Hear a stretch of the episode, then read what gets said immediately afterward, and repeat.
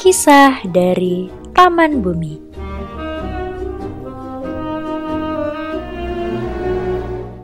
Pada suatu pagi di penghujung pekan, matahari nampak cerah.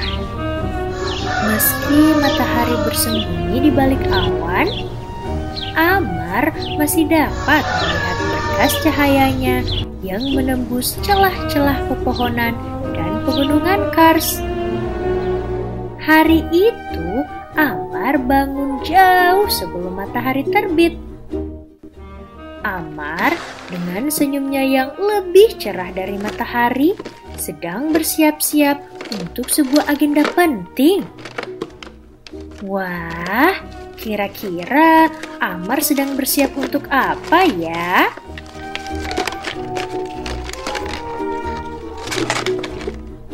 Oh, ternyata pada hari itu Amar akan menemui kawan lamanya yang akan berkunjung ke kampung halaman Amar di Kabupaten Pangkajene dan Kepulauan atau Pangkep. Kawan lama Amar bernama Rosi. Amar sangat menyenangi Rosi karena ia adalah anak yang ceria dan gemar berbagi kisah dengan Amar. Amar sangat gembira. Ia sudah tidak sabar untuk memperlihatkan begitu banyak hal menarik yang ada di Kabupaten Pangkep. Wah, sudah pukul sembilan. Sebaiknya aku bergegas untuk menemui Rosi. Aku tak ingin ia menunggu lama. Amar lalu berpamitan kepada kedua orang tuanya dan kemudian mengayuh sepeda kecilnya keluar dari rumah. Ketika melihat Rosi, senyum Amar semakin cerah. Hai Rosi, bagaimana kabarmu?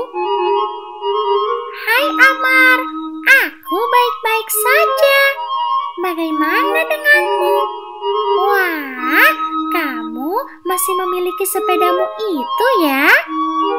Hehehehe, tentu saja. Kabarku juga baik, Rosi. Apakah kamu sudah siap dengan petualangan kita hari ini? Pasti dong. Amar, kita akan ke mana hari ini? Apakah letaknya jauh dari sini? Apakah kita bisa berangkat sekarang? Melihat Rosi yang bersemangat, Amar pun tertawa terbahak-bahak. Ah, ah, ah, ah, ah, ah, ah. Sabar sedikit, Rosi. Hari ini aku akan membawamu mengunjungi sebuah taman. Wah, asik! Aku sangat suka taman. Ayo, kita berangkat sekarang. Dengan langkah ringan dan penuh tawa riang, Amar dan Rosi kemudian berjalan santai mengikuti arah yang ditunjukkan oleh Amar. Mereka saling bertukar kisah tentang masa liburan masing-masing. Tak lama kemudian, mereka tiba di tujuan. Tada! Rosi, kita sudah sampai. Rosi kemudian melemparkan pandangannya ke sekelilingnya. Sejauh mata memandang, Rosi hanya melihat pepohonan hijau yang memagari begitu banyak bebatuan. Batu-batu itu berwarna gelap dan menjulang tinggi. Ukurannya cukup besar jika dibandingkan dengan tubuh Rosi yang kecil. Di beberapa tempat, Rosi melihat batu-batu itu bertumpuk seperti anak tangga yang menjulang ke langit. Terdapat pula bebatuan yang sangat tinggi seperti menara. Rosi kemudian mengernyitkan dahinya.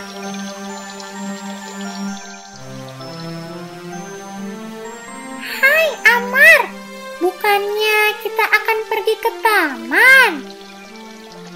Inilah taman yang kusebutkan tadi. Bagaimana menurutmu?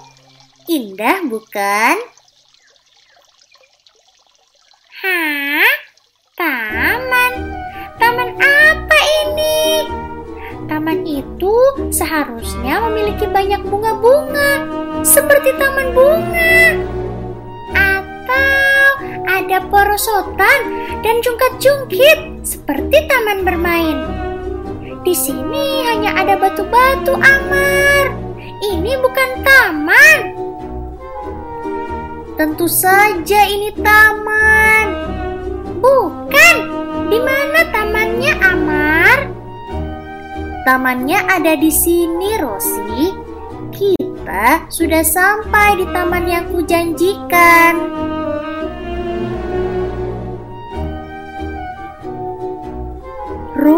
Kembali melihat ke sekelilingnya. Ia tidak melihat satu pun hamparan bunga matahari atau bunga mawar. Ia juga tidak melihat bangku warna-warni seperti yang biasa terlihat di taman bermain. Melihat Rosi yang kebingungan, Amar kemudian mengajak Rosi untuk berjalan lebih jauh mengelilingi taman tersebut. Dengan tenang, Amar kemudian berkata, Rosi, taman ini adalah Taman Bebatuan Kars. Selamat datang di Taman Batu Kars Baloci. Taman batu? Memangnya taman seperti itu ada ya? Ada dong. Taman Batu Kars ini memang unik dan menarik. Taman Batu Kars Baloci sendiri luasnya 4 hektar loh. Kamu juga bisa menemui banyak taman batu kars lainnya di Kabupaten Pangkep dan Kabupaten Maros.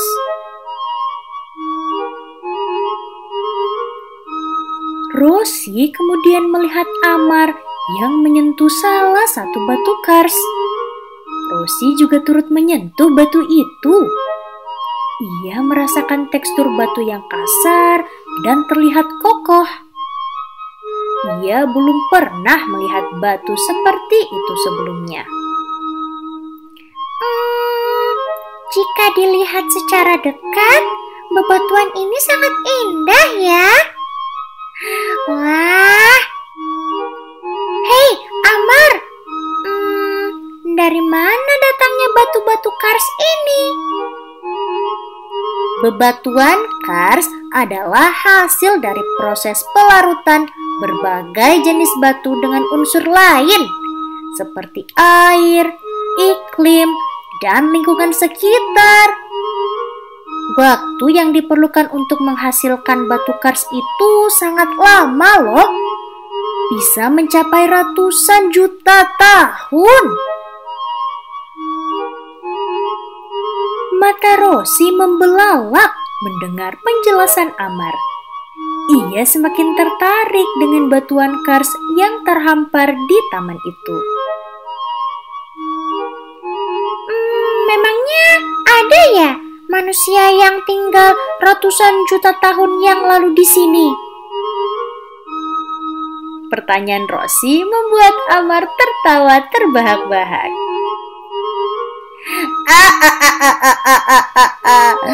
Kira-kira kalau ada manusia purba yang tinggal di sini pada masa itu, mereka akan ngapain ya? Pastinya mereka tidak akan naik sepeda. Sepeda kan belum ditemukan pada waktu itu. Kamu ada-ada saja, Rosi. Eh, tahu tidak? Ratusan tahun yang lalu, bebatuan kars ini ada di bawah laut. Hah? Wah, kalau sampai hari ini bebatuan kars ini masih ada di bawah laut, kita harus menyelam untuk melihat keindahannya dong. Suara tawa Amara dan Rosi kemudian terdengar saling bersahutan di antara bebatuan kars. Menghabiskan waktu dengan berkeliling di taman batu tersebut. Rosi menanyakan banyak hal kepada Amar. Amar dengan senang hati menjawab tiap pertanyaan Rosi dan memperkenalkan kekayaan alam yang dimiliki kampung halamannya. Matahari masih bersembunyi di balik awan. Ranting-ranting pohon menari mengikuti embusan angin. Amar bersandar ke salah satu batu kars. Rosi turut duduk di sampingnya. Mereka berdua memejamkan mata dan mencoba mendengarkan alunan indah yang dihasilkan oleh tarian ranting-ranting pohon. Rosi menyentuh salah satu batu kars yang berada di dekatnya. Ia kemudian berbisik. Terima kasih sudah bertahan sampai saat ini. Terima kasih sudah membuatku banyak belajar. Kelak, aku juga akan menjadi kuat dan indah sepertimu. Hari itu, Rosi dan Amar pulang dengan membawa banyak kisah baru dari Taman Bumi. Taman yang bumi kita ciptakan untuk kita kagumi dan lestarikan bersama.